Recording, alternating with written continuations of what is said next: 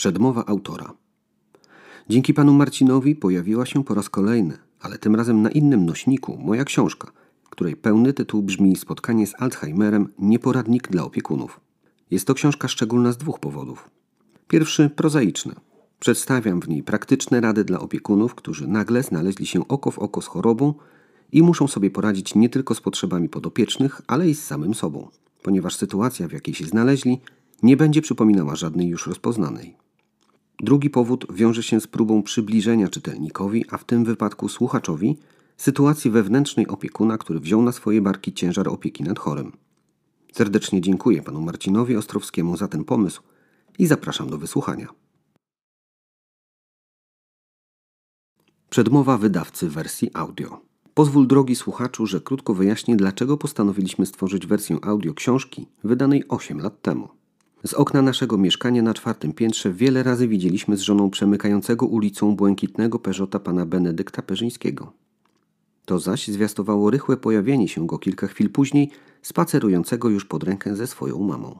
Przez to mieliśmy go zawsze za dobrego syna. Myśleliśmy, on zawsze znajdzie czas dla swoich rodziców lub ciekawe, czy nas na starość też tak będzie ktoś regularnie odwiedzał. Niewiele się pomyliliśmy. Był dobrym synem, choć skala okazała się być dużo większa. Kilka miesięcy później na jednym z wieczorków poetyckich otrzymałem od pana Benedykta kilka książek, a wśród nich spotkanie z Alzheimerem. Na pierwszy rzut oka pozycja nieciekawa. Temat niszowy, na czarno-białej okładce nieznajoma kobieta, a całość dedykowana mamie. Nuda. Połknąłem w jeden wieczór. Książka wywróciła do góry nogami moje wyobrażenie zarówno o chorobie Alzheimera, jak i o autorze książki. Okazuje się bowiem, że tysiąc razy mijaliśmy na chodniku w asyście pana Perzyńskiego matkę, która przestaje poznawać swojego syna, kobietę, która przestaje pamiętać, kim jest, oraz człowieka, który stracił możliwość powiedzenia o sobie: Ja jestem. Natychmiast zadzwoniłem do autora i stwierdziłem, że pozycja zasługuje na wersję audio, na co ten skwapliwie przystał. Musiało jednak minąć kilka lat, a pomysł na audiobooka przeleżeć na półce z napisem do zrobienia. Przez ten czas wiele się wydarzyło. Przede wszystkim zmarła mama pana Benedykta, a wraz z nią znikły troski związane z rolą opiekuna osoby chorej na chorobę Alzheimera. Nie zmieniło się właściwie tylko jedno. Poczucie, że pozycja taka jak spotkanie z Alzheimerem zasługuje na wydanie w wersji do słuchania. Oddajemy ją, drogi słuchaczu, w Twoje uszy. I choć temat niełatwy, życzymy miłego odbioru. Benedykt Zygfryd Perzyński. Spotkanie z Alzheimerem. Nieporadnik dla opiekunów. Działdowo 2013. Wydawca burmistrz miasta Działdowo. Serdeczne podziękowania mecenasowi kultury, burmistrzowi miasta Działdowo Bronisławowi Mazurkiewiczowi, człowiekowi o wielkim sercu, któremu losy ludzi chorych i niepełnosprawnych nigdy nie były obojętne. Za wydanie niniejszego nieporadnika składa Benedykt Zygfryd Perzyński. Słowo wstępne Bronisław Mazurkiewicz. Szanowni czytelnicy, polecam Państwu książkę, która z jednej strony jest poradnikiem dla każdego, kto przyjął na siebie rolę opiekuna osoby cierpiącej na chorobę Alzheimera, z drugiej zaś literackim opisem sytuacji, w której się znaleźli osoba chora i jej opiekun. Pojawienie się tak uciążliwej choroby najczęściej wzbudza lęk u każdego, kto potencjalnie musi się stać opiekunem osoby dotkniętej chorobą Alzheimera, choćby z tego względu, że nikt do takiej roli nikogo nie przygotowuje. Nie jest to bowiem zadanie łatwe, ponieważ choroba Alzheimera jest nieuleczalna. Zaś chory, tracąc powoli kontakt z otaczającą go rzeczywistością, potrzebuje całodobowej opieki. Benedykt Perzyński, znany mi do tej pory jako poeta i eseista, a obecnie również jako opiekun osoby chorej, w proponowanym czytelnikom spotkaniu z Alzheimerem zawarł szereg cennych wskazówek nie tylko w jaki sposób radzić sobie z potrzebami podopiecznej, ale także z samym sobą. Wiem z autopsji, że codzienna troska o osobę ciężko chorą lub niepełnosprawną jest bardzo uciążliwa i czasochłonna oraz wymaga wiele wysiłku, zarówno psychicznego, jak i fizycznego, ze strony opiekuna. Dlatego cieszę się, że ten właśnie temat został przez Benedykta Perzyńskiego podjęty. Ponadto każdy, kto znalazł się w podobnej sytuacji, w jakiej znalazł się autor, po przeczytaniu niniejszego poradnika zauważy, że nie jest w tej roli odosobniony i pozostawiony samemu sobie. Autor przytacza także bogatą literaturę dotyczącą choroby Alzheimera oraz adresy fundacji i stowarzyszeń wspomagających opiekunów i ich podopiecznych. Zapewne w momencie, gdy czytacie Państwo tych kilka moich słów wstępu, autor i jego mama spacerują jak co dzień po ulicach naszego miasta, ciesząc się z każdego dnia spędzonego razem. Zapraszam do lektury. Bronisław Mazurkiewicz, burmistrz miasta Działdowo. Kilka słów o chorobie. Minęły już dwa lata od dnia, w którym dowiedziałem się, że moja mama jest nieuleczalnie chora. Nawet przez myśl mi wtedy nie przeszło, że z tą chorobą będę się musiał zmierzyć przede wszystkim sam, a nikt mnie do takiej roli nie przygotowywał. Jaka to choroba? Nazywa się ją chorobą Alzheimera. Z raportu Organizacji Zrzeszonych w Alzheimer's Disease International, który pojawił się w 2011 roku, wynika, iż na chorobę Alzheimera cierpi około 35 milionów osób na całym świecie, w tym 250 tysięcy w naszym kraju.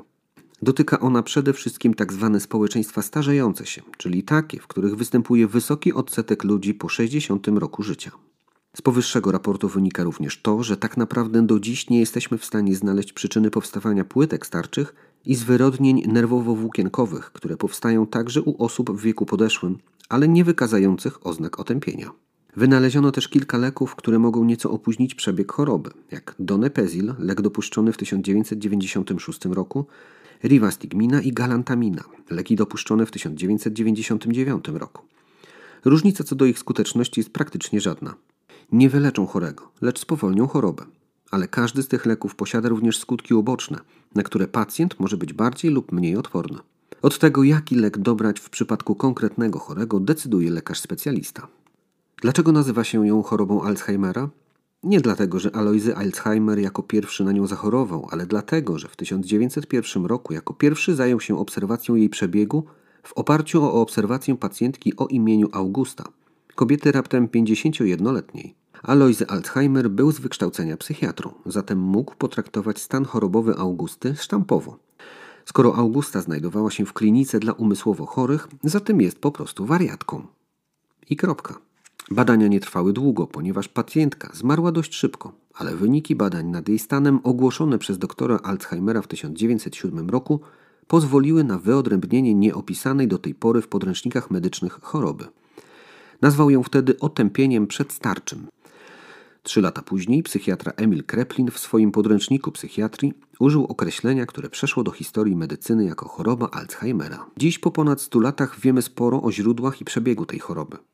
Na przykład możemy stwierdzić, że w trakcie rozwoju choroby Alzheimera następuje u danego człowieka zanik kory mózgowej, czyli zaczynają odkładać się na ścianach naczyń krwionośnych blaszki amyloidowe zbudowane z beta-amyloidu.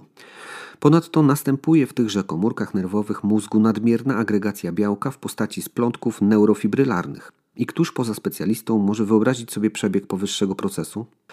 W moim rozumieniu chodzi po prostu o stan, w którym człowiek najpierw traci pamięć. Nie tylko zapomina o wielu rzeczach, ale nie jest w stanie nauczyć się czegokolwiek nowego. Przestaje się zachowywać również tak, jak do tej pory zwykle się zachowywał.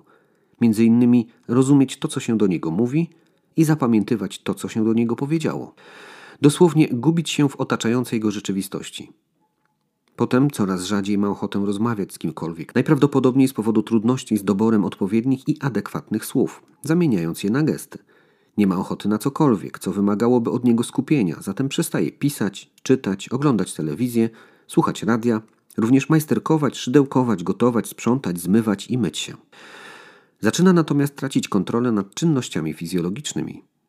Do tego pojawiają się napady złości i agresji względem innych osób, które przestaje rozpoznawać. Zapomina również, kim są najbliżsi. Ten stan trwa zwykle do 10 lat.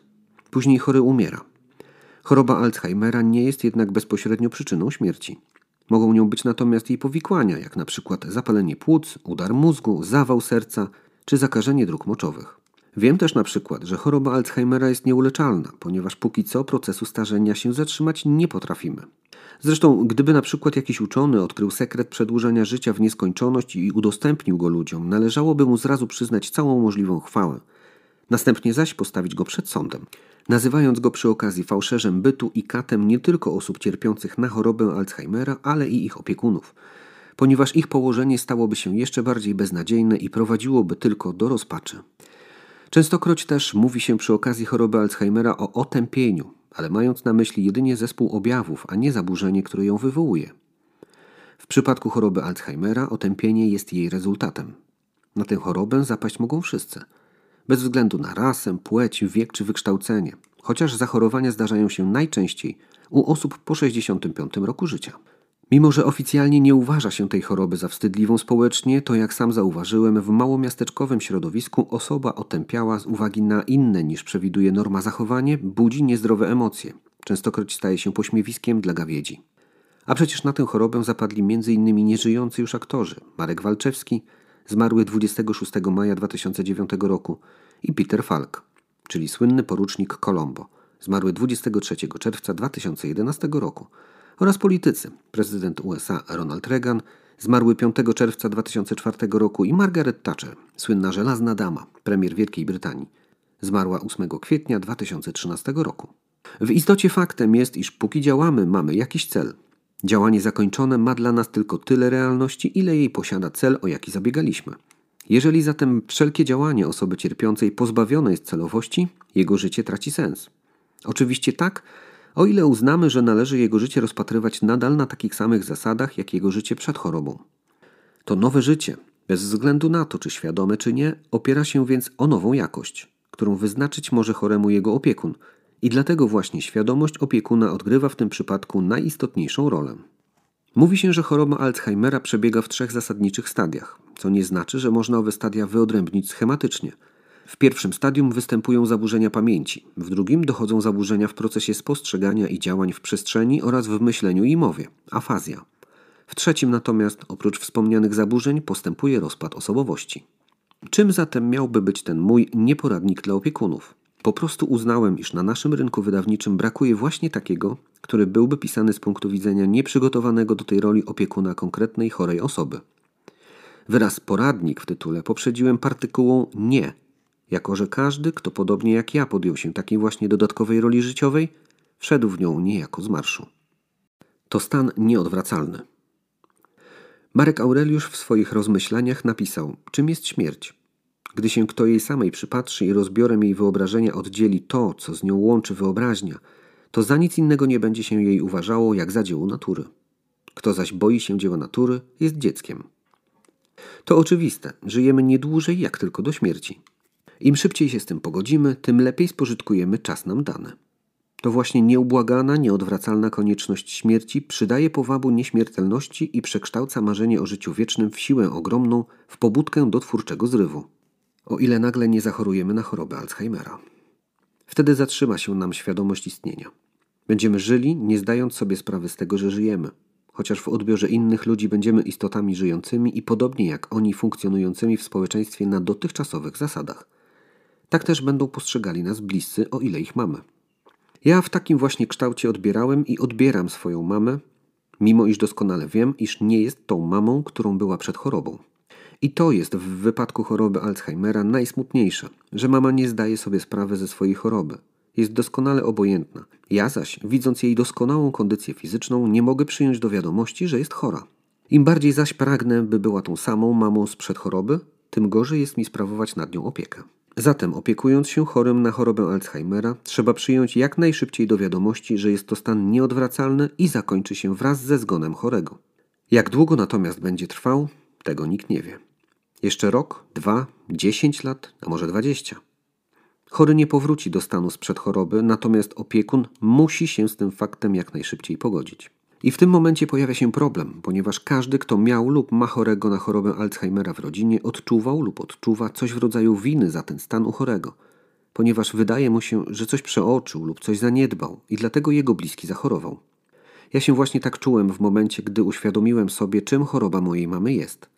Mimo, że nie mieszkaliśmy razem, widziałem wielokrotnie, że jest roztargniona, zapomina o tym, gdzie coś położyła, że w rozmowach wraca do spraw sprzed wielu lat, a nie skupia się na aktualnie poruszanym problemie, że koniecznie musi gdzieś pójść, chociaż ani pora dnia, ani okoliczności do tego pilnego wyjścia wcale nie zmuszają. Widziałem to, ale w ogóle nie kojarzyłem z chorobą. Przecież gdy się czegoś zapomina, samemu się komentuje ze śmiechem: to nic, to tylko skleroza. Natomiast gdy się drąży jakieś sprawy z przeszłości, to raczej świadczy o powrocie do zdarzeń, które odegrały istotną rolę w naszym życiu. Gdy natomiast ktoś nie skupia się na temacie rozmowy, świadczy to raczej o tym, że temat jest po prostu nieciekawy, ewentualnie na tyle błahy, by pozwolić sobie na wyłączenie się i zajęcie się jakimś ważniejszym problemem. Robi to każdy i nikt go o chorobę Alzheimera nie podejrzewa. Choroba spadła na mamę nagle. Rozwijała się zatem podstępnie, bez czyjegokolwiek udziału. Ale pomimo to nie mogę się z tym pogodzić. Zatem mam poczucie winy, ponieważ nie zauważyłem pierwszych objawów. A może powinienem, dlatego też i z tego powodu przyjąłem na siebie od razu rolę opiekuna chorej mamy, bez zastanowienia się nad tym, z czym tak naprawdę ta rola się wiąże. Zaskakujące choroby początki. Wiesz, synu, ja chyba muszę pójść do Trusewicza po buciki tereni. Obiecał, że w piątek odda, a dziś już niedziela. To zdanie wypowiedziane przez mamę powinno mnie zastanowić. Wszak szewc Trusewicz już dawno nie żyje, a Terenia ma już ponad 70 lat. A ja tylko zapytałem, o czym mówi. Mama skwitowała tę moją uwagę słowami: Oj, synku, synku, nawet nie wiesz, ile to ja teraz mam zmartwień na głowie. Przyznaję, że nie spytałem jakich, a mogłem. Zabrałem się i wyszedłem, odsiedziawszy jak zwykle swoją godzinkę. Mało tego, bezczelnie wykorzystałem powyższe zdarzenie do napisania wiersza. Mama zawsze była nietutejsza. Mama zawsze była nietutejsza.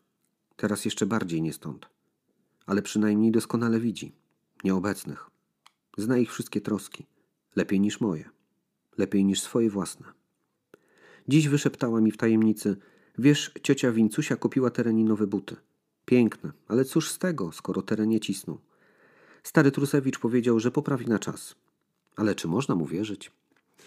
I tylko zasnute lekką mgiełką jej cudowne niebieskie oczy zdradzają sekret, że od dwóch lat jutro dla niej nie istnieje, a dziś przeniosło się siedemdziesiąt lat wstecz. Chyli się mama powolutku ku zachodowi, nie pozostawiając żadnej nadziei na to, bym wraz z nią, przynajmniej przez chwilę, zobaczył jej ukochane borcie, harcicę Azę, która się we wtorek oszczeniła, kruka mitkę tańczącego przed trzymającą światło upieczony chlebek ciotką Wincusią i krzyczące na niego niemożebnie ogoniaste pawie. Nigdy się też nie dowiem, czy stary Trusewicz poprawił na czas buciki małej tereni. Czasami bywałem u rodziców nawet krócej i do tego z głową zaprzątniętą swoimi własnymi problemami. Witałem się więc, pytałem jak się czuje ona sama, a jak ojciec, który był po kilku udarach, ale po intensywnej rehabilitacji funkcjonował w miarę dobrze. Czy wszystko w porządku, czy kogoś im nie załatwić w urzędach lub na poczcie i tyle. Jechałem do domu. Tego, że mama coraz częściej zapominała zamknąć drzwi mieszkania na klucz lub wychodziła gdzieś po moim odjeździe, czyli późnym wieczorem, nie wiedziałem, bo ojciec o niczym takim mi nie wspominał. Mama też chudła coraz bardziej i to, że chudła, składała na swój wiek. Ojciec zaś mówił, że po prostu nie chce nic jeść, a gdy stawia przed nią na przykład talerz z zupą, zaczyna na niego krzyczeć. A potem ubiera się i gdzieś wychodzi. Nie powiedział mi, bo być może sam nie wiedział, że mamę przywiózł w nocy radiowóz policyjny, ponieważ błąkała się na drodze za miastem. A że miała w torebce dowód osobisty z adresem, to ją policjanci przywieźli pod blok, poczekali aż wejdzie do domu i już. o tym powiedział mi sąsiad rodziców, który cierpiąc na bezsenność zauważył to zdarzenie. Ale powiedział mi o tym dużo po czasie. Ja nadal żyłem w błogiej nieświadomości, że się nic z mamą złego nie dzieje. Kolejny sygnał, że z mamą coś nie tak, otrzymałem od znajomej, której rodzice mają działkę ogrodową położoną w pobliżu działki rodziców. Zauważyli oni, że kiedyś podeszła do ich ogrodzenia i długo się wpatrywała, próbując rozpoznać, kto na tej działce jest i co robi. Na pytanie, czy kogoś szuka, nie odpowiedziała, tylko szybko odeszła. Zmieniła także styl ubierania się. O ile wcześniej ubierała się dość gustownie, to od pewnego czasu zaczęła nosić tę samą czarną spódnicę, ciemną bluzkę, stare buty, a na głowie wiązała chustkę. Całość jej ubioru dopełniała stara, porwana torebka, którą skądś wytrzasnęła. Do dziś nie wiem skąd. Może gdzieś znalazła i sobie wzięła? Na ojca zaś coraz częściej krzyczała bez powodu, a on chował się przed nią do swojego pokoju. Gdy pytałem o co im poszło, on mówił o mamie wariatka, a mama o nim wariat. I na tym się kończyło. Nigdy bowiem nie starałem się wtrącać w ich sprawy, ponieważ albo jedno, albo drugie poczułoby się urażone, uznając, że biorę czyjąś stronę. Zatem i na to nie zważałem. Kiedy jednak coraz więcej osób zaczęło mi przebąkiwać, że widziało wieczorem moją mamę tu i ówdzie, idącą gdzieś bardzo szybko, a najwyraźniej bez określonego celu, zaniepokoiłem się. Gdy mamę zapytałem, dokąd wieczorem wychodzi, ona ze złością odpowiedziała, że nigdzie, że cały czas siedzi w domu z tym wariatem i mam się od niej odczepić. Kiedy jednak tato przyszedł któregoś dnia wieczorem do mojego domu, mówiąc, że mama wcześniej rano gdzieś poszła, a może nawet poszła w nocy, bo on jak wstał o piątej, to jej nie było, przestraszyłem się nie na żarty. Wsiedliśmy z ojcem w samochód i pojechaliśmy najpierw do ich mieszkania, by się upewnić, czy przypadkiem nie wróciła, a potem już bez ojca, który został w domu po to, by w razie czego, gdyby mama wróciła, dać mi znać, zacząłem krążyć samochodem po mieście, wypytując, czy mama gdzieś nie idzie. Po dobrej godzinie poszukiwań dostrzegłem ją idącą bardzo szybko jedną z uliczek. Zatrzymałem się, ale nie wysiadłem z samochodu ani jej nie zawołałem. Chciałem się bowiem dowiedzieć, dokąd tak szybko idzie. Mama skręciła w jedną uliczkę, ja samochodem za nią. Mama skręciła w następną, a ja za nią. I byliśmy znowu tam, gdzie ją zauważyłem. Takie krążenie nie mogło być naturalne.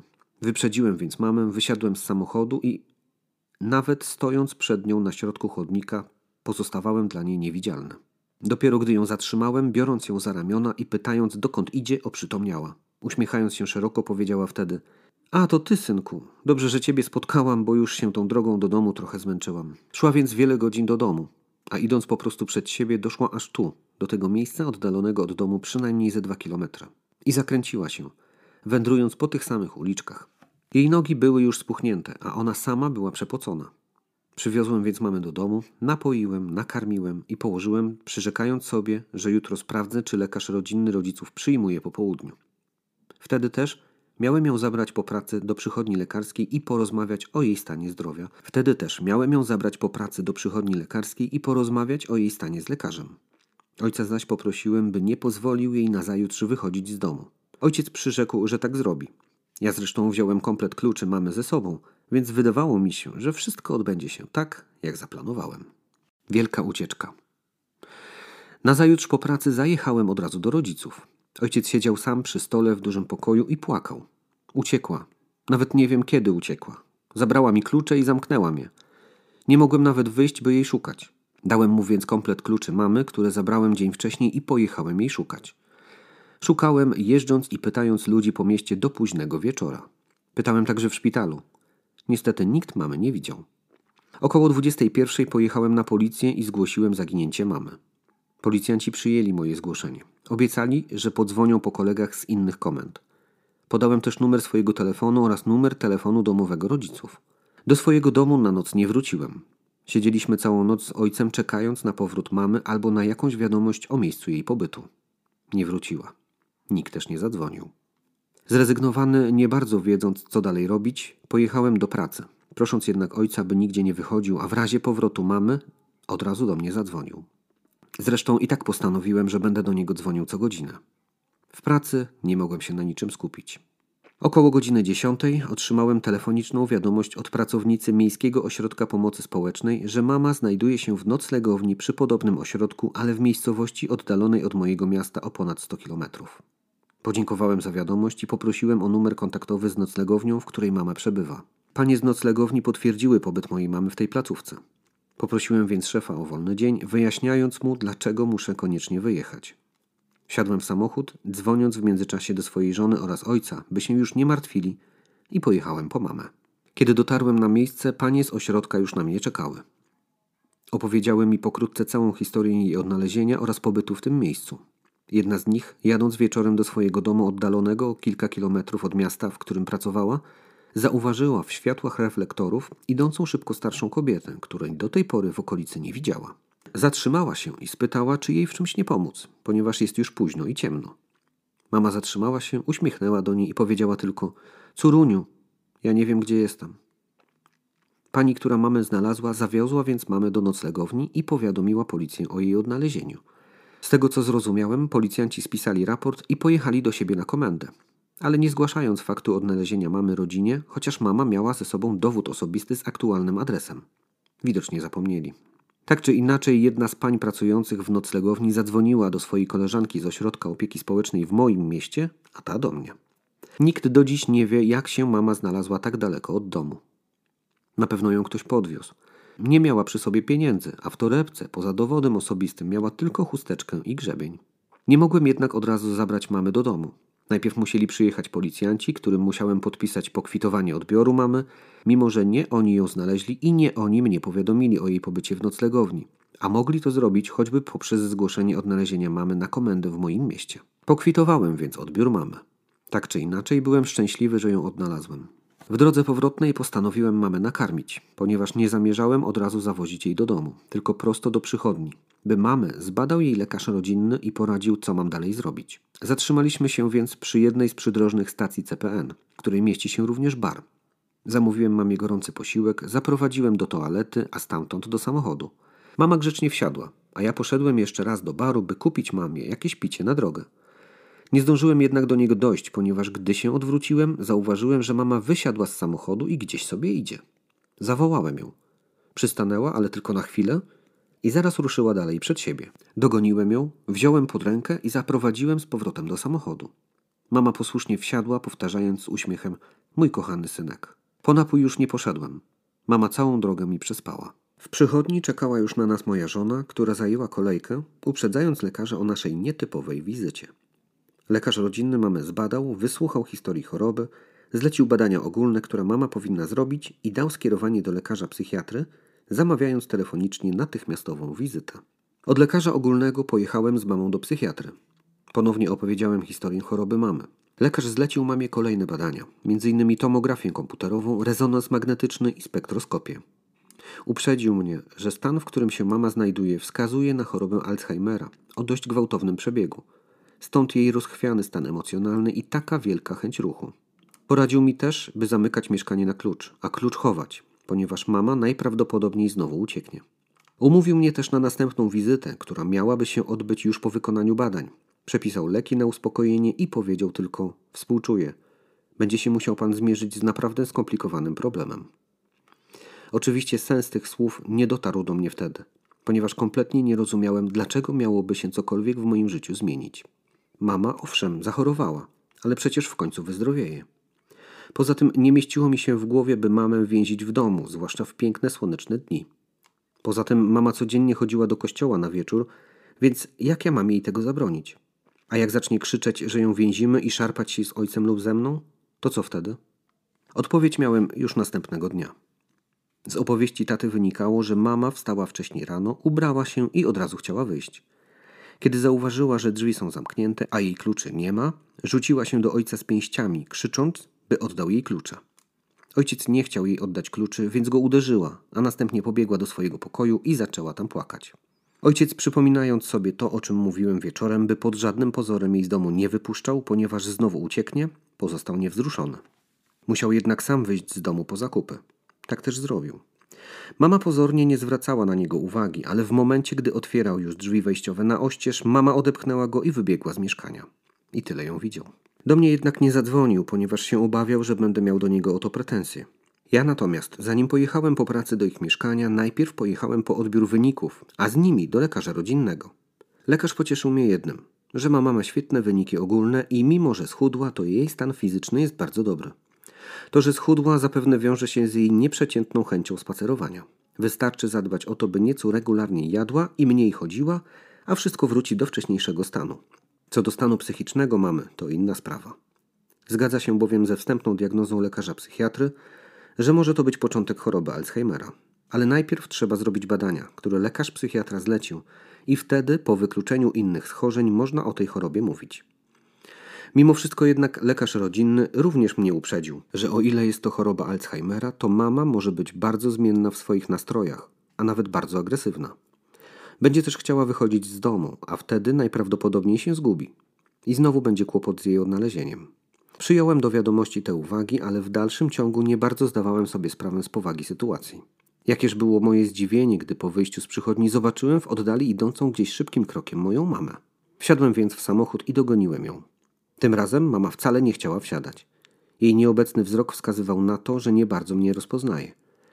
Uprosiłem ją wreszcie, by wsiadła do samochodu i pojechaliśmy do jej domu. Przed blokiem siedział na ławce ojciec, który jak później opowiedział, pytał sąsiadów, czy mamy nie widzieli oraz prosił ich o to, by przyprowadzili ją do domu, o ile ją gdzieś w mieście spotkają. Po tej ucieczce mamy wiedziałem jedno. Pracując, nie upilnuję jej i nie doprowadzę jej na badania zlecone przez lekarza psychiatrę. Dlatego na drugi dzień poszedłem do pracy i poprosiłem o kilkudniowy urlop. W tym dniu mama znowu tacie uciekła, ale tym razem spostrzegłem ją od razu po wyjściu z pracy. Tato siedział w domu podłamany, ponieważ tym razem mama wykradła mu klucze z kieszeni koszuli, którą zdjął, by się umyć po powrocie z działki ogrodowej. Usłyszał tylko przez drzwi łazienki, że wychodzi i zamyka go na klucz. Nie wiedziałem, co robić. Poprosiłem więc tatę, by rano nigdzie nie wychodził, a także o to, by schował teraz klucze tak, by mama nie widziała gdzie. Mamę zaś poprosiłem, by była grzeczna i słuchała tatę. Odpowiedziała mi tylko z uśmiechem: Dobrze, synku, i wróciła do oglądania jakiegoś programu telewizyjnego. Spostrzegłem jednak wcześniej, że tylko udaje zainteresowanie tym, co akurat leciało w telewizji, ponieważ ukradkiem zerkała w naszą stronę, próbując wychwycić treść mojej rozmowy z tatą. Pojechałem do domu, modląc się w duchu, by jutrzejszy dzień był nieco spokojniejszy. Niestety. W mieszkaniu rodziców byłem o godzinie siódmej rano, ale mamy już nie było. Tym razem tato sam jej oddał klucze, ponieważ bał się, że rozbije drzwi wejściowe, kopiąc je i uderzając w nie kuchennym taboretem. Nie musiałem tym razem szukać mamy, ponieważ natrafiła na nią jedna z sąsiadek i przyprowadziła pod blok. A zwróciła uwagę na mamę, ponieważ wyszła w typowo domowych kapciach i miała spódnicę nałożoną na lewą stronę. Mama nie miała jednak kluczy w torebce. Zaniepokoiło mnie to trochę, ponieważ nie chciałem, by ktoś, kto te klucze znajdzie, o ile mama rzeczywiście je zgubiła, wszedł do ich domu nieproszony. Coś mnie jednak tknęło i przeszukałem torebkę jeszcze raz. Klucze się znalazły ukryte pod podszewką. Mama mnie uważnie obserwowała.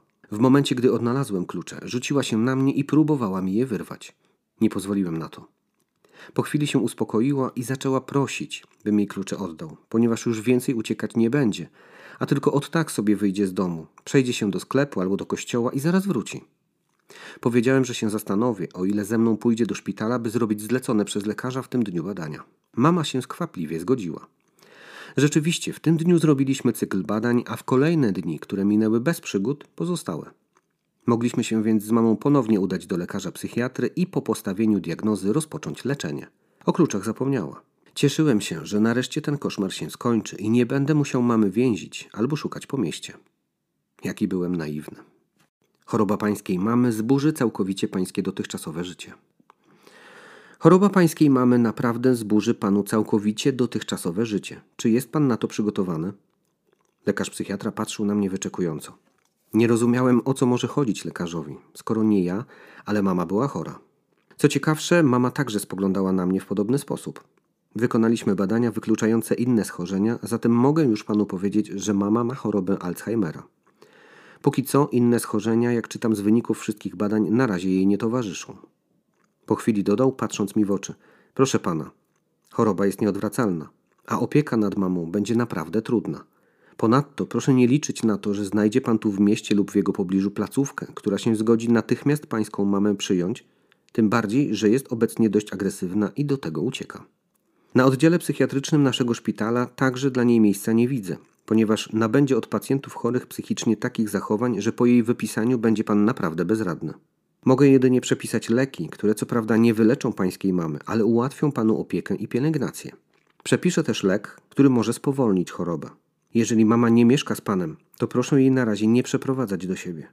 Będzie tylko gorzej, ponieważ pańskie mieszkanie będzie dla niej miejscem zupełnie obcym. Proszę też nie przemeblowywać w jej mieszkaniu niczego. Będzie wstawała w nocy i dokądś szła. I będzie to robiła instynktownie, zgodnie z układem mebli, do którego się przyzwyczaiła. No i proszę zamykać drzwi na klucz, ponieważ pańska mama wyjdzie niezauważona przez nikogo i znowu panu pobłądzi. Proszę też mamie nie pokazywać, gdzie pan lub ktoś, kto będzie pana wyręczał w opiece, trzymacie klucz, ponieważ mama klucz podkradnie i ucieknie. I proszę pamiętać, choroba się już nie odwróci. Dam panu też ciekawy poradnik napisany specjalnie dla takich przypadkowych opiekunów jak pan. To naprawdę świetna kompilacja doświadczeń ludzi, którzy się nagle z tą chorobą zetknęli i podobnie jak pan nic o niej nie wiedząc. Niech pan zwróci uwagę na tytuł. On naprawdę sugeruje, z czym ma pan do czynienia i ile czasu będzie pan musiał poświęcić swojej mamie. Od tego, jaką pan roztoczy nad nią opiekę, będzie zależało jej samopoczucie i jakość życia. Proszę również o to, by przepisane przeze mnie leki podawać mamie regularnie. Spotkamy się za miesiąc. Zaniepokoiły mnie słowa lekarza. Przecież nie mogłem jednocześnie pracować i zajmować się mamą, a ojciec sobie sam nie poradzi z jej ucieczkami. No i miałem problem. Wydawało mi się wtedy, że wielki, teraz natomiast wydaje mi się błachem w porównaniu z następnymi. A o chorobie Alzheimera i jej przebiegu wiedziałem tylko tyle, ile zawarte jest w dość popularnym żarciku. Babcia pyta wnuczkę: Powiedz mi, moja droga, jak się nazywa ten pan, który wszystko gdzieś przede mną chowa? A wnuczka na to: Alzheimer, babciu, Alzheimer. Czyli nic nie wiedziałem. Mogłem jedynie skorzystać z rad zawartych w poradniku autorstwa Nancy L. Mace i Petera V. Robinsona, który otrzymałem od lekarza. Zatytułowany był 36 godzin na dobę. Tytuł jak najbardziej adekwatny do sytuacji, w której się znalazłem, ale jeszcze nie zdawałem sobie z tego sprawy. Walka o następny dzień. Walka. Walka o każdy dzień i noc dla mamy i dla siebie samego. Na początku była to walka z mamininymi ucieczkami i jej agresją skierowaną do taty i do mnie. Co do maminych ucieczek, sprawa była dla mnie prosta, ale nie dla taty. Dawał się jeszcze przez wiele tygodni mamie przekabacić. Ulegał bowiem jej groźbom lub prośbom. Otwierał więc drzwi mamie, a ona dokądś szła. Chyba, że od razu spotykali ją sąsiedzi lub znajomi, którzy wiedzieli o jej chorobie i odprowadzali do domu. Albo ja jej szukałem po pracy, ponownie prosząc tatę, by jej więcej nie wypuszczał. Ta chęć codziennych ucieczek w końcu ustała. Może dlatego, że zacząłem codziennie chodzić z mamą na długi spacer? Nie wiem. Mama bowiem miała i ma do tej pory niespożyte siły i jest praktycznie do dziś w ciągłym marszu. Przemierza non-stop całe mieszkanie, od okna w jednym pokoju do okna w drugim i z powrotem, zachowując się tak, jakby zaliczała fragment wyimaginowanego dystansu. Robi to w dzień i w nocy. Niekiedy tylko przysiądzie na chwilę lub położy na kanapie. W poradniku dla opiekunów osób cierpiących na chorobę Alzheimera, o którym wspominałem wcześniej, przeczytałem wszystkie opisy doświadczeń jednostkowych ludzi, którzy opiekowali się członkami swoich rodzin. W każdym przypadku chodziło na początku o jedno baczną obserwację chorej osoby. Zatem obserwowałem mamy zachowanie, a z czasem, gdy przestała inicjować rozmowę, a następnie odpowiadać na pytania, starałem się również odgadywać jej potrzeby. A mówiła coraz mniej, mimo że za radą jej lekarza starałem się ją pobudzać do rozmów ze mną. Na początku, jeszcze w czasach jej wzmożonych ucieczek, mama sama się myła, kąpała, czesała się, jako tako ubierała. O ile pamiętała o posiłku, to go sama nawet przygotowywała i jadła oraz załatwiała swoje potrzeby fizjologiczne tam, gdzie powinna. Dziś, czyli po upływie dwóch lat, nie robi żadnej z tych rzeczy. Tym samym muszę jej w tym pomóc. Muszę też dbać o jej pełne bezpieczeństwo. Przypominam sobie, że pierwsze co mi przyszło do głowy w sytuacji, gdy uświadomiłem sobie, że mamy do swojego miejsca pracy ze sobą nie zabiorę, a ojciec do mojego powrotu z pracy może sobie z mamą nie poradzić, to chęć zwalenia tego ciężaru na fachowca. Okazało się to jednak niemożliwe. Tak jak przewidywał lekarz mamy, żaden ośrodek opiekuńczy nie mógł przyjąć chorej na Alzheimera, a gdy dowiadywano się o jej ucieczkach, natychmiast kwitowano krótko. Nie możemy panu pomóc i możemy tylko współczuć.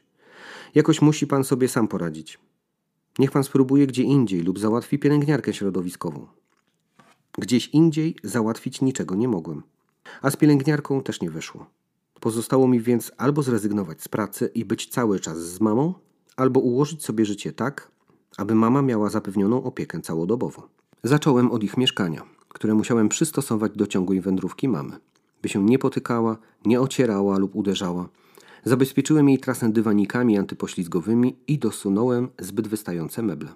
Jako, że w kuchni rządzi tato, wszystkie noże kuchenne, sztućce oraz naczynia stołowe i garnki mają swoje miejsce po umyciu w szafkach i szufladach. Ustaliłem też z nim rytm powszedniego dnia. 6.30 mój przyjazd poranny, czyli wysadzenie mamy na muszlę klozetową, mycie, smarowanie oliwką, założenie pieluchy na rzepy, ubieranie, czesanie, podanie lekarstw i ewentualne prześcielenie łóżka lub zmycie podłogi z wietrzeniem mieszkania. Niekiedy, o ile mam jeszcze chwilę czasu, podaję śniadanie. Ewentualnie robi to tato, który później przygotowuje i podaje obiad. Za każdym razem przypominam też tacie o zamykaniu mieszkania na klucz, gdy będzie wychodził z domu. Od 7.30 do 15.30 moja praca zawodowa. 16.30 mój przyjazd popołudniowy, czyli wysadzenie mamy, mycie, smarowanie oliwką, założenie pieluchy i długi, nawet dwugodzinny spacer. Po powrocie wysadzenie mamy, umycie, posmarowanie oliwką, przygotowanie i podanie oraz przypilnowanie mamy przy kolacji, podanie lekarstw, rozebranie, wysadzenie, umycie całej pod prysznicem, założenie pieluchy, przygotowanie ubrania na kolejny dzień, przepierka majtek i rajstop, a potem położenie do łóżka. W soboty i niedzielę rytm się nieco zmienia, ponieważ przyjeżdżam dodatkowo około godziny 11. Wtedy również wysadzam mamę, myję, smaruję oliwką, zakładam świeżą pieluchę i biorę mamę na dodatkowy dwugodzinny spacer. Po spacerze znowu ją wysadzam, myję, smaruję oliwką i zmieniam pieluchę. Przynajmniej raz w tygodniu kąpię mamę w wannie, a moja żona sprząta dokładnie mieszkanie rodziców. Ona też pierze ubrania im obojgu i dba o to, by mieli pełną lodówkę. Mamy też znajomą, kobietę bardzo życzliwą, która w dni powszednie przed południem zabiera mamy na długie spacery, dzięki czemu tato może na przykład wiosną, latem i jesienią pójść na swoją działkę warzywną i troszeczkę od mamy odsapnąć. Ten rytm pozostaje niezmienny do dziś, chociaż mój wieczorny pobyt coraz bardziej się przeciąga. Pozornie wszystko wygląda więc różowo. Mama bowiem nie jest przedmiotem. Niestety od czasu do czasu bywa wobec mnie i taty agresywna. Ojciec, co prawda, znalazł dość skuteczny sposób na to, by uchronić się przed agresją mamy. Po prostu wychodzi z domu, zamyka mamę na klucz i wraca po godzinie. W stosunku do mnie mama rzadko wykazuje agresję. Najczęściej bywa po prostu złośliwa. A to uderzy mnie znienacka ręką po głowie, pokaże język, przedrzeźni, machnie ręką przed moją twarzą, rzuci we mnie kanapką lub opluje tabletkami. Dziś jestem już na to wszystko przygotowany i znając zmienność jej nastrojów, wiem, kiedy mogę się czegoś takiego spodziewać.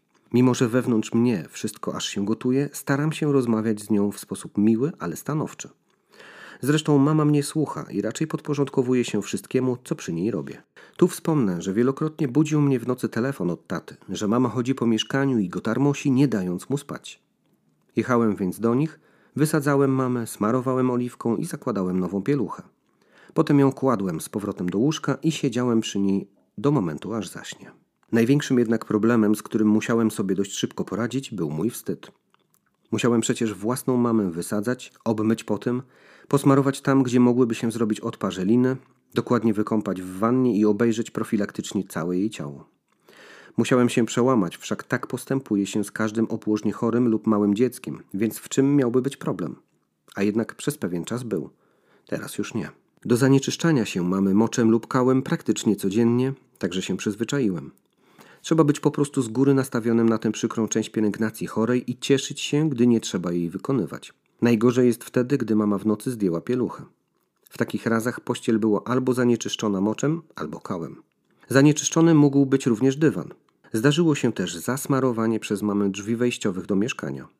Ogólnie rzecz biorąc, na przestrzeni tych dwóch lat straty wyniosły jedno łóżko, cztery poduszki, dwie kołdry, sześć kompletów pościeli, trzy dywany, krzesło i dwa połamane od drzwi wejściowe taborety.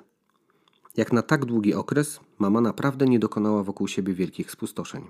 Może dlatego, że za każdym razem po jakiejś stracie uczyłem się zapobiegać kolejnym potencjalnym zniszczeniom. Teraz zakładam mamie body na pieluchę i majtki, a na to wszystko koszulę nocną. Nic już w nocy nie zdejmuję.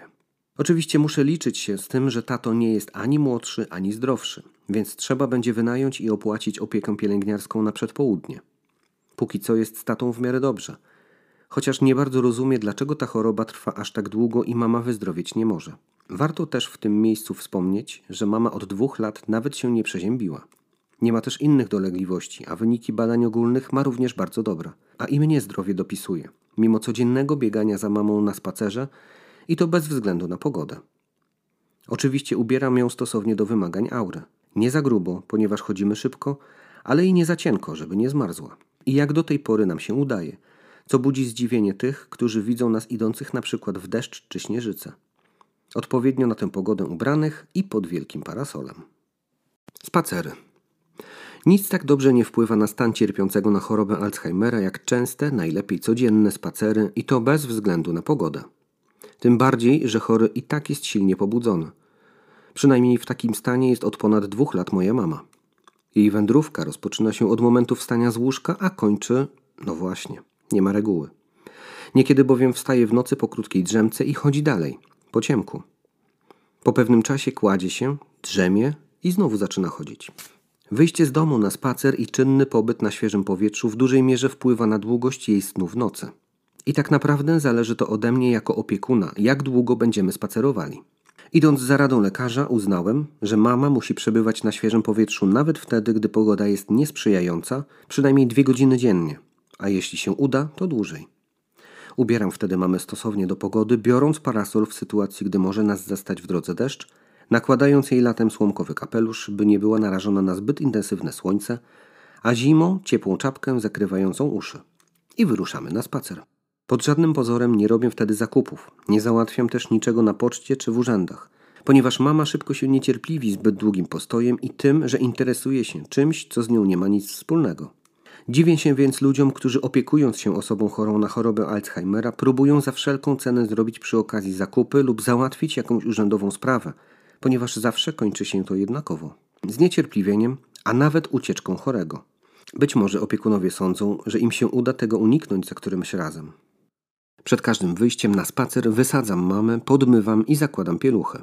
Jedną też biorę ze sobą. Ponadto zawsze mam przy sobie opakowanie chusteczek jednorazowych, majtki na zmianę, zaś latem butelkę z napojem, a w niepogodę duży parasol. Bez tego wyposażenia nawet nie próbuję wychodzić.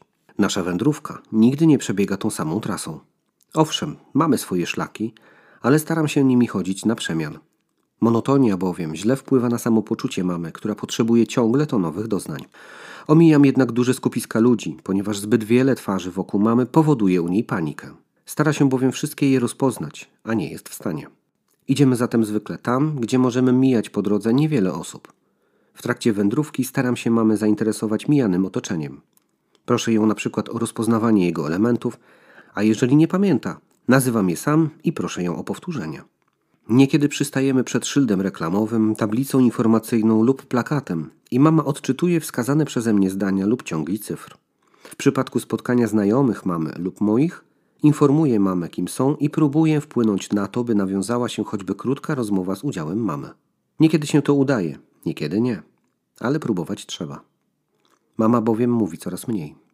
Na trasach, które przemierzam, znajdują się ławki, przynajmniej jedna. Tam też sprawdzam, czy nie trzeba zmienić mamie pieluchy, ewentualnie daję jej pić. Zimą zmiana pieluchy raczej nie wchodzi w grę, więc wybieram takie trasy naszych wędrówek, by zawsze móc szybko wrócić z mamą do domu i ją przebrać. Dzięki spacerom mama ma bezpośredni kontakt ze światem, lepszy apetyt, jest dotleniona i co najważniejsze, dłużej po nich śpi. Kąpiel. Jak wspomniałem, zarówno podmywanie, jak i kąpiel własnej mamy były dla mnie krępujące. Może gdybym był kobietą, byłoby mi łatwiej. Faktem jest, że gdy to robiłem po raz pierwszy, bardzo się wstydziłem. Do tego nie bardzo wiedziałem, w jaki sposób mam to robić. Dorosły człowiek to nie niemowlę, które sobie spokojnie leży i pozwala na pielęgnację. Tym bardziej chory, którego ciągle coś gna. Owszem, teraz przewijam mamę błyskawicznie i praktycznie dla niej niezauważalnie, ponieważ zanim się zabiorę za przewijanie, najpierw przygotowuję sobie czystą pieluchę, koszulkę i spódnicę, o ile podejrzewam, że są także zanieczyszczone, a dopiero potem mamę powoli rozbieram w łazience i wysadzam, bez względu na to, czy jej się to podoba, czy nie. Potem mamę dokładnie podmywam ciepłą wodą, używając gąbki, dokładnie wycieram i smaruję oliwką. Tego smarowania oliwką nie należy bagatelizować, ponieważ chory nie poskarży się nam, że coś go piecze, a po kilku godzinach do ponownego podmywania mogą się zrobić piekące odparzeliny. I wtedy jest to już większy kłopot. Kąpiel mamy w wannie nie sprawia praktycznie żadnego kłopotu, chyba że mama ma chwilę buntu i stanowczo kąpieli swoją gestykulacją i mimiką odmawia. Wtedy łagodnie, ale stanowczo, tłumacząc jej, że będzie jej bardzo przyjemnie i ciepło, rozbieram ją i pomagam wejść do wanny. Całe wejście i usadowienie się mamy w najodpowiedniejszej pozycji odbywa się pod moją kontrolą i przy mojej ewentualnej pomocy, ponieważ podnosząc nogę dość wysoko i następnie stawiając ją w wannie, może uderzyć się boleśnie. Może też stracić równowagę, stojąc w wannie i z całym impetem runąć do niej. Podobnie rzecz ma się z wychodzeniem z wanny. Tu moja pomoc jest wręcz niezbędna. Muszę ją silnie podtrzymywać, ponieważ zbyt łatwo mogłaby stracić równowagę. W trakcie kąpieli dokładnie oglądam i obmywam namydloną gąbką całe jej ciało, informując ją przy tym, co akurat robię. Mama dokładnie słucha i stara się mi w tym pomagać. To, że trzeba kontrolować dokładnie jej skórę, włosy i paznokcie jest oczywiste. Przy okazji jednak sprawdzam, czy nie pojawiły się na jej ciele sińce świadczące o tym, że pojawiła się jakaś nieoczekiwana przeszkoda na obranej przez nią w domu trasie, a ja do tej pory niczego nie zauważyłem. Zresztą codziennie przed położeniem do łóżka taki ogląd robię. Wystarczy bowiem lekkie przesunięcie krzesła lub stołu, by do nabicia sińca doszło. Wszak mama chodzi na pamięć i nie przewiduje, że może coś potrącić lub strącić. W jej umyśle jest zakodowana taka trasa, w której nie ma nieodpowiednio odstawionego krzesła czy przestawionego stołu, nie ma też żadnego leżącego na jej trasie przedmiotu, który teraz się tam znalazł, a którego wcześniej nie było. Po wytarciu ubieram mamę w podomkę i dokładnie rozczesuję włosy. Myślę, że każda kobieta lubi, gdy się ją czesze. Mama bardzo. Mało tego, uwielbia się wtedy przeglądać w lustrze. Po wyschnięciu włosów, ułożeniu ich tak jak mama chce, przy cięciu paznokci u rąk i nóg wysadzam mamę, smaruję oliwką, zakładam pieluchę, body i koszulkę nocną. Potem kładę mamę, obowiązkowo całując i wkładając w jej dłoń chusteczkę jednorazową do ewentualnego wytarcia nosa. Zazwyczaj po kąpieli mama przysypia spokojnie całą noc. Tu dodam, że tylko ja mogę mamy przygotowywać do kąpieli, kąpać i pielęgnować po kąpieli. Innym osobom na to nie chcę pozwolić. Nie piszę w tym miejscu, ile razy tygodniowo osoba cierpiąca na chorobę Alzheimera powinna być kąpana w wannie. Opiekun, znając osobę, którą się opiekuje, dobierze tę częstotliwość sam. Wizyty u lekarzy. Bez współpracy z lekarzami nasza walka z chorobą Alzheimera zakończyłaby się szybko. z krzywdą i dla chorego, i dla nas samych. Zarówno regularne wizyty u lekarza domowego, jak i u lekarza psychiatry pozwalają nam na wgląd w aktualny stan zdrowia osoby, którą się opiekujemy i odpowiednio dozować lekarstwa lub je w odpowiednim momencie zmieniać. Przed lekarzami jednak nie powinno wylewać się żalów, jak to nam opiekunom jest ciężko, ale dokładnie informować ich o aktualnym zachowaniu tego, kto jest chory. On sam nic na swój temat nam nie powie. Owszem, jeśli lekarz zwróci uwagę na to, że jesteśmy zmęczeni opieką, na pewno z nami porozmawia i podpowie, co mamy robić sami ze sobą. Oczywiście poradzi na tyle, na ile będzie w stanie. Ponadto, dzięki poradom lekarskim, zalecanym czynnościom oraz zleconym badaniom, możemy uniknąć wielu niespodzianek, na które jako opiekunowie nie jesteśmy w ogóle przygotowani. Podkreślam, nie jesteśmy jako laicy od nich mądrzejsi, więc stosujmy się do ich rad i zaleceń, a jeżeli możemy coś zasugerować, ponieważ znamy dokładnie potrzeby naszych podopiecznych, róbmy to w taki sposób, by dzięki temu skorzystali właśnie nasi podopieczni. Dodam, że w momencie, kiedy roztoczyłem opiekę nad mamą, nie miała ona apetytu. Wydawało mi się więc, że nic się nie stanie, jeśli jej kupię w aptece jakieś leki na pobudzenie apetytu. Na szczęście spytałem o to lekarza. I dobrze, ponieważ to, co zapewne bym w aptece kupił na pobudzenie apetytu, powodowałoby nowe dolegliwości w połączeniu z przepisanymi przez niego lekami. Warto też odwiedzać co jakiś czas stomatologa, by mógł on ocenić stan uzębienia osoby chorej. Cierpiący na chorobę Alzheimera nie powie nam nic na temat bólu któregoś z zębów, ani też nie wskaże nam źródła takiego bólu. Nie poinformuje nas też o tym, że ma nieodpowiednią protezę i cierpi z tego powodu przy każdym posiłku. Najprawdopodobniej wtedy chory odmówi stanowczo przyjęcia posiłku, a my będziemy się zastanawiali, czy przypadkiem nie ma on na przykład dolegliwości trawiennych lub po prostu apetytu. Lekarz stomatolog pomoże nam także w ustaleniu potencjalnej diety dla naszego podopiecznego, o czym za chwilę napiszę. Odżywianie. Posiłki nie muszą być wyszukane, ale podane przynajmniej trzy razy dziennie i zawierające składniki, które są dla osoby cierpiącej na chorobę Alzheimera niezbędne. W ustaleniu diety pomoże opiekunowi lekarz rodzinny, który wykluczy to, co mogłoby spowodować inne schorzenia, ewentualnie je spotęgować. Opiekun powinien przynajmniej postarać się o to, by chory jak najdłużej zachował samodzielność przy spożywaniu posiłków. Moja mama ma kłopoty z utrzymaniem sztućców, ponieważ jej palce stały się dość kołkowate – Dlatego przygotowuję posiłek tak, by nie zniechęcała się do jedzenia tylko dlatego, że nie może czegoś przekroić lub po prostu donieść do ust. Mięso i warzywa kroję jej bezpośrednio na talerzu na małe kawałeczki, łatwe do pogryzienia i przełknięcia. Podobnie czynię z chlebem obłożonym wędliną. Obecnie coraz częściej mamy karmię. Mama to akceptuje, a mnie to nie nastręcza żadnego kłopotu. Spotkałem się z opinią, jakoby w trakcie posiłku chory powinien mieć spokój. W przypadku mojej mamy jest wręcz przeciwnie. Jeżeli jest cicho, nikt nic nie mówi, nie gra radio lub telewizor, ona czuje się niespokojnie. Zagaduję ją zatem lub włączam telewizor, najlepiej z programem, w którym artyści śpiewają lub tańczą i mama pięknie spożywa wszystko to, co jej przygotowałem. Nie polecam też innych nakryć stołowych niż te, do których chory jest przyzwyczajony. Owszem, zdarza się, że mama zbije kubek lub coś wyleje na obrus. Wtedy kubek zastępuje podobnym. Obrus zaś daje się bez kłopotu uprać. Nie widzę też potrzeby, by specjalnie zmieniać cokolwiek w wyglądzie miejsca, w którym zwykle chory spożywa posiłek. Proponuję tylko, by opiekun sadzał chorego jak najwygodniej i odpowiednio blisko naczynia z posiłkiem. Nie może miska lub talerz stać zbyt daleko, ponieważ chory z zasady będzie się obawiał, że posiłku nie doniesie. I jeżeli podczas jednej z prób tak właśnie się stanie, chory przestanie jeść. Podkreślam, we wszelkich sprawach żywieniowych, a dotyczących dołączenia lub wykluczenia jakiejś potrawy z jadłospisu osoby cierpiącej na chorobę Alzheimera należy konsultować z lekarzem rodzinnym. Niekiedy mama odmawia posiłku, ale raczej jest to oznaka typowego dla tej choroby buntu. W takich wypadkach spokojnie i z uśmiechem tłumaczę jej, jak smaczny jest ten posiłek i jak bardzo ona go lubi. I to działa. Jeżeli natomiast mama się krzywi przy posiłku, jest to dla mnie oznaka przesunięcia się protezy. Poprawiam ją i wszystko wraca do normy. Jako, że większych kłopotów z trawieniem pokarmów mama nigdy nie miała, a dietę ma dobraną fachowo, jej samopoczucie jest więc dość dobre. Owszem, zdarza się, że na moje pytanie o jej samopoczucie mama robi minę osoby cierpiącej i łapie się za serce albo za brzuch, ale za chwilę się uśmiecha. Dla mamy jest to fajna zabawa, zwłaszcza wtedy, gdy widzi moje zaniepokojenie. Dla mnie niestety nie. Kilka porad. Nasze obserwacje dotyczące stanu osoby cierpiącej na chorobę Alzheimera powinny dotyczyć nie tylko jej stanu emocjonalnego, ale również fizycznego. Nawet teraz, mając dwuletnie doświadczenie, nie uważam, że wiem już wszystko na temat opieki nad osobą cierpiącą na wspomnianą wyżej chorobę. Gdybym tak uważał, popełniłbym najprostszy błąd. Nie ma tu bowiem miejsca na rutynę, ponieważ stan mojej mamy będzie się tylko pogarszał. Poza tym robi się ona także coraz starsza, chociaż niekiedy zachowuje się jak małe dziecko. Kiedy bowiem przy rozczesywaniu jej włosów pociągnę ją leciutko grzebieniem za któryś z jej kędziorów, automatycznie syczy i patrzy na mnie z wyrzutem. Podobnie rzecz się ma z bólem, który jej sprawię. Na przykład w sytuacji, gdy zbyt mocno ją przytrzymam za ramię w trakcie jej jakiegoś potknięcia. Co wtedy robię? Muszę jedynie uśmiechnąć się do niej, przeprosić i pocałować. Takie lekarstwo najlepiej się sprawdza. Jeżeli jednak mama się o coś skaleczy lub coś sobie otrze, wtedy oczywiście wspomniane lekarstwo nie pomoże. Do zadrapań i mocniejszych otarć używam gotowych opatrunków, a do odparzeń także profilaktycznie oliwki dla niemowląt.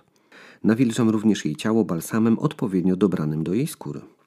Muszę też ciągle kontrolować, czy nie ma na nogach nie tylko otarć, czy zbyt długich paznokci u stóp, ale i odcisków między palcami stóp. Jest przecież w ciągłym ruchu, więc jej stopy muszą być jak najbardziej sprawne. Poza tym, mama z uwagi na to, że chodzi bardzo dużo, musi mieć wygodne obuwie wejściowe, najlepiej bez wysokich obcasów. Latem nosi obuwie odkryte, przykład sandały, wiosną i jesienią wygodne niskie półbuty, a zimą zaś wysokie kozaki. W domu nakładam jej klapki lub kapcie z piętkami. Na noc, o czym już wspomniałem, oprócz pieluchy zakładam mamie body oraz koszulę nocną. Dzięki temu, że ma body, nie zdejmie pieluchy, a tym samym nie zanieczyści pościeli czy łóżka. Gdybym miał do czynienia z mężczyzną, proponowałbym nakładanie mu całościowych śpiochów, zapinanych lub zawiązywanych z tyłu bez rozporka. Można takie kupić lub zlecić uszycie kilku par. Taniej przecież wychodzi kupno nowych body czy śpiochów, ewentualnie pościeli, niż łóżka. Pod prześcieradło zaścielam także drugie, nieprzemakalne i dające się łatwo uprać. Wcześniej kładłem jednorazowe ceratki, ale one zbyt łatwo się pod prześcieradłem zsuwały. Pomijam w tym miejscu ubiór wierzchni, tak zwany codzienny. Ma on być po prostu wygodny, czysty, schludny i dopasowany do sylwetki osoby chorej. I najważniejsza rzecz, od której będzie zależało to, w jaki sposób poradzimy sobie z pielęgnacją osoby cierpiącej na chorobę Alzheimera. Otóż nie powinno się na nią pod żadnym pozorem złościć, ani tym bardziej na nią krzyczeć, gdy zrobi cokolwiek niezgodnie z naszymi intencjami. Równie dobrze możemy się złościć i krzyczeć na krzesło. Owszem, opiekun też ma swoje problemy życiowe, zawodowe czy też zdrowotne, ale nie wolno ich pod żadnym pozorem przenosić na osobę, którą się opiekujemy. Dla niej musimy mieć zawsze uśmiech, tym bardziej, że najczęściej jest to nasza matka lub ojciec. Nie zasłużyli więc na to, by ich dziecko nie okazywało im szacunku i miłości właśnie wtedy, gdy są zdani na jego łaskę. Odpoczynek. Niewiele jestem w stanie napisać na temat odpoczynku potencjalnego opiekuna osoby cierpiącej na chorobę Alzheimera. Wszystko bowiem zależy od tego, w jakiej znajduje się on kondycji, zarówno psychicznej, jak i fizycznej, w momencie przyjęcia na siebie takiej roli. Napiszę więc o tym, w jaki sposób sam sobie radzę z tym problemem. Nie, nie pomyliłem się. Jest to problem, ponieważ opieka nad osobą cierpiącą na chorobę Alzheimera jest opieką ciągłą i zakończy się wtedy, gdy zakończy się życie osoby, którą się opiekujemy. Ponadto mamy przecież pracę zawodową i rodzinę, czyli inne bardzo istotne obowiązki. Tu muszę dodać, że w moim przypadku żona i syn musieli zaakceptować tę moją nową rolę życiową. Zatem i dla nich był to także wielki wysiłek. Kiedy więc myślę o odpoczynku, to raczej o nim jedynie myślę. Jednak przy dobrej organizacji tygodnia i przy dobrym samopoczuciu mamy udaje mi się od czasu do czasu znaleźć chwilę dla siebie. Wtedy oddaję się którejś ze swoich licznych pasji, czyli czytam, piszę, robię też przegląd swoich kolekcji, uczestniczę w imprezach kulturalnych i spotykam się z przyjaciółmi. Wiem, że nie mogę sobie pozwolić na żaden dłuższy wyjazd w trakcie urlopu, więc pielęgnuję ogród przydomowy i staram się przynajmniej chwilę spędzić nad którymś z okolicznych jezior. Wtedy pływam lub po prostu sobie siedzę nad brzegiem jeziora i patrzę na nie. To pozwala na wyciszenie się i zapomnienie przynajmniej na chwilę o tym, co mnie czeka po powrocie. Staram się też przesypiać w nocy przynajmniej 6 godzin. I to wszystko. Wielokrotnie odczuwałem złość, że akurat mnie się to przytrafiło i to ja mam się opiekować mamą i nikt przy wykonywaniu jakiejś czynności związanej z pielęgnacją chorej w danym momencie mi nie pomaga. Irytowało mnie również zachowanie mamy, która wystawiała mi język, przedrzeźniała, opluwała tabletkami, unikała podtarcia lub podmycia, nie dawała sobie założyć pieluchy, bielizny czy butów, lub po założeniu rękawiczek zdejmowała je i rzucała na ziemię. Robiąc z takich sytuacji zabawę i wciągając w nią mamę, złość mi przechodziła. Ale nie ukrywam, wiele razy coś się we mnie gotowało i z trudem się powstrzymywałem, by nie wybuchnąć. Nie przenoszę też irytacji z powodu zmęczenia tą ciągłą opieką nad mamą na rodzinę. Nie są niczemu winni i nawet jeżeli muszę wykonywać po powrocie od mamy mnóstwo innych prac, wykonuję je, bo tak trzeba. Zresztą podjąłem się takiej roli i muszę wytrzymać. Nie, nie czuję się wypoczęty. Marzy mi się od dwóch lat cała noc i cały dzień do przespania lub przeleniuchowania. Póki co jest tak jak jest. Nie narzekam. Jesteśmy pamięcią. Jesteśmy pamięcią. Bez niej zatracamy się w rzeczywistości praktycznie bez reszty i bez niej, jako zdolności poznawczej służącej do przechowywania, magazynowania i odtwarzania informacji o naszych życiowych doświadczeniach, praktycznie nie możemy funkcjonować w otaczającej nas rzeczywistości. Patrząc przez pryzmat osoby cierpiącej na chorobę Alzheimera, spróbowałem ten stan wyrazić wierszem. Gdzie jestem? Nie wiem, gdzie jestem. Może tu, może tam, w jakimś miejscu, lepszym lub gorszym, śmierdzącym, pachnącym albo śmierdząco pachnącym. Akurat ten aspekt doznań nie ma znaczenia, przynajmniej na razie. Nie wiem, gdzie jestem. Może tu, może tam. W jakimś miejscu. Już o tym pisałem. Wiem, że o tym pisałem, tylko nie wiem kiedy. Dziwne, ale wiem, o czym być może napiszę. Nie wiem zaś, o czym chciałbym napisać. Teraz. Pamiętam, o czym pisałem. Dawniej. A może wydaje mi się, że pisałem. Dławi mnie to. Już od dawna nie ufam ani sobie, ani nikomu innemu. A wydawało mi się kiedyś, że dzięki bezgranicznej ufności mogę odkryć to, co jest. Teraz już wiem, że była to najlepsza metoda zakrywania świata za nic nieznaczącymi etykietami. Nie wiem, gdzie jestem. Może tu, może tam. W jakimś miejscu. Już o tym pisałem.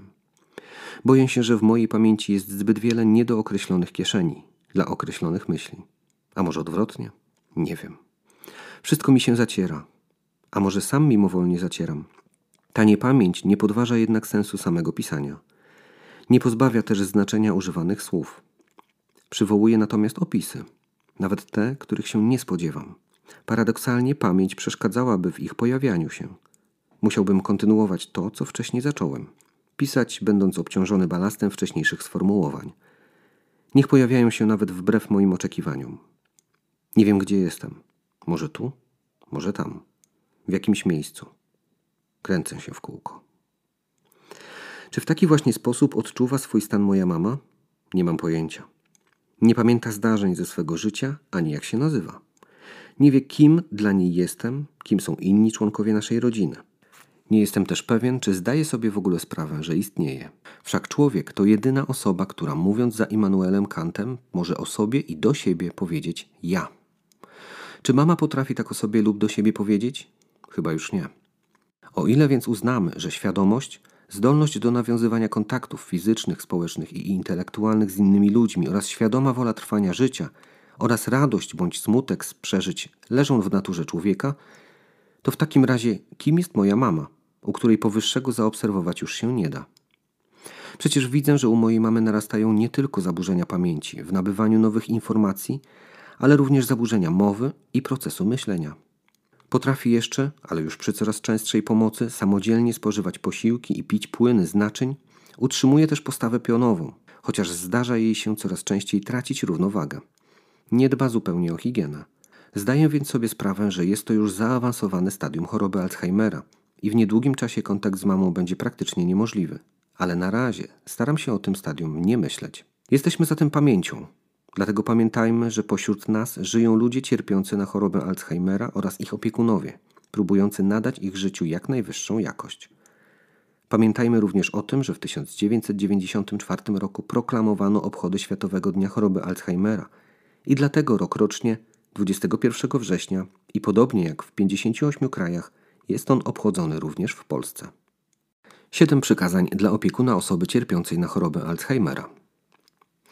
Pamiętaj o tym, że i ty możesz mieć kiedyś tę przypadłość. Nigdy nie zapominaj o okazywaniu szacunku choremu, ponieważ jest to twój krewny. Nie ty jesteś najważniejszy, ale chory, którym się opiekujesz. Pozbądź się jak najszybciej nadziei, że chory wyzdrowieje. Uczyń życie chorego jak najbardziej znośnym, dzięki czemu ułatwisz sobie życie. Konsultuj się regularnie z lekarzami w sprawie chorego i nie bagatelizuj ich zaleceń. Nie dramatyzuj, przecież może być jeszcze gorzej. W naszym kraju działa już sporo organizacji społecznych, które oferują pomoc dla opiekunów osób cierpiących na chorobę Alzheimera. Ich adresy i numery telefonów podajemy w opisie. Literatura. Każdy, kto opiekuje się osobą cierpiącą na chorobę Alzheimera, doskonale wie, że nic tak nie uczy człowieka, w jaki sposób ułatwić życie podopiecznemu i tym samym sobie, jak zwykła codzienna opieka nad nim. Warto jednak sięgnąć także po wskazówki i uwagi tych, którzy posiadają teoretyczną i praktyczną wiedzę na temat choroby Alzheimera. Pozwoliłem więc sobie zaproponować przynajmniej kilka najistotniejszych publikacji dotyczących poruszonej przeze mnie problematyki. Ich spis podajemy w opisie. Dziękujemy za wysłuchanie książki Benedykta Zygfryda Perzyńskiego Spotkanie z Alzheimerem Nieporadnik dla opiekunów. Czytał Marcin Ostrowski. Wydawca wersji audio Biblioteka Akustyczna portalu Moje Działdowo. Realizacja Studio Moje Działdowo. Prawa do tekstu Benedykt Zygfryd Perzyński 2013. Wszelkie prawa zastrzeżone. Kopiowanie, wynajmowanie, wypożyczanie, wykorzystywanie do wykonań publicznych i nagrań radiowo-telewizyjnych bez zezwolenia zabronione.